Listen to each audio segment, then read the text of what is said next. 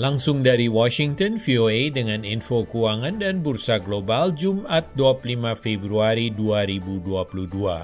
Di Wall Street, harga saham menyaksikan kenaikan harga saham pada penutupan Kamis sore waktu New York. Dow Jones naik 92 poin mencapai 33.223 S&P 500 naik 44 poin mencapai 4.269, sementara indeks Nasdaq juga naik 436 poin mencapai 13.473.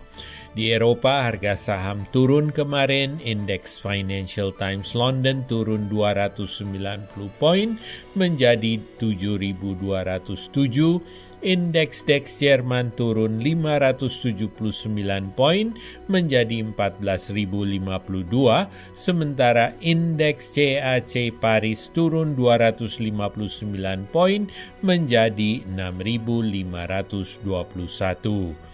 Di Asia, harga saham turun kemarin, indeks Nikkei Tokyo turun 478 poin, menjadi 25.970, indeks Hang Seng Hong Kong turun 758 poin menjadi 22.901. Sementara itu untuk sektor komoditas Brent crude diperdagangkan pada 100 dolar 67 sen per barrel, emas diperdagangkan pada 1918 dolar 22 sen per troy ounce dan koko atau coklat diperdagangkan pada 2.616 dolar per metrik ton. Berikut nilai tukar dolar Amerika di New York terhadap beberapa mata uang utama lainnya. Satu dolar Amerika bernilai 0.89 euro dan 115.40 yen Jepang. Sementara pound sterling Inggris dijual di New York seharga 1 dolar 33 sen. Dan menurut catatan Bloomberg 1 dolar Amerika setara dengan 14.391 rupiah. The Voice of America.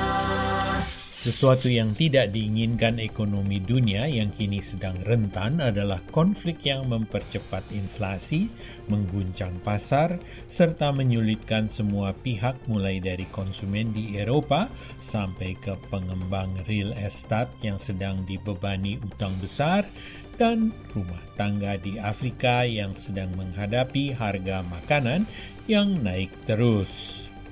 Serangan Rusia terhadap Ukraina dan sanksi balasan oleh pihak Barat kemungkinan tidak akan menjurus ke resesi global.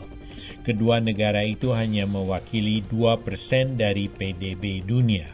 Sementara ekonomi di banyak kawasan masih stabil setelah pulih cepat dari resesi akibat pandemi. Tetapi konflik ini mengancam akan menuai kerusakan ekonomi yang parah di beberapa negara dan industri, kerusakan yang bisa menyebabkan penderitaan jutaan orang. Rusia adalah produsen minyak terbesar ketiga dan eksportir penting gas alam cair. Sedangkan pertanian Ukraina menyediakan pangan untuk seluruh dunia.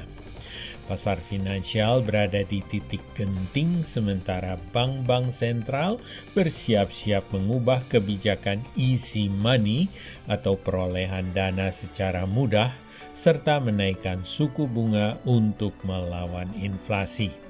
Suku bunga lebih tinggi itu kemungkinan akan menghambat orang berbelanja dan kembali menaikkan risiko bagi penurunan ekonomi. Saya tidak mau terkecoh dengan hanya menghitung rasio PDB, khususnya pada saat harga bahan komoditas sudah tinggi dan juga inflasi, kata Elina Ribakova, wakil kepala dan pakar ekonomi di Institute of International Finance, sebuah asosiasi perdagangan untuk bank-bank. Ini adalah momen yang penuh ketidakpastian mengingat situasi ekonomi global sekarang. Serangan Rusia bisa memperlambat pemulihan ekonomi Eropa dan semakin naiknya harga energi yang sudah tinggi. Eropa adalah pengimpor energi, hampir 40% pasokan gas alamnya berasal dari Rusia. Diputusnya sumber energi bisa memperlemah ekonomi benua itu. Harga gas alam yang tinggi sudah mengakibatkan naiknya tagihan energi rumah tangga, baik untuk pemanasan dengan gas alam maupun energi listrik, sehingga menyusutkan belanja konsumen. Harga gas alam di Eropa sudah memukul rumah tangga dan konsumen, khususnya mereka yang berpendapatan rendah kata Adam Tooze, Direktur European Institute di Columbia University. Inflasi tahunan mencapai 5,1 persen pada Januari di 19 negara yang menggunakan mata uang euro. Itu adalah tingkat tertinggi sejak 1997.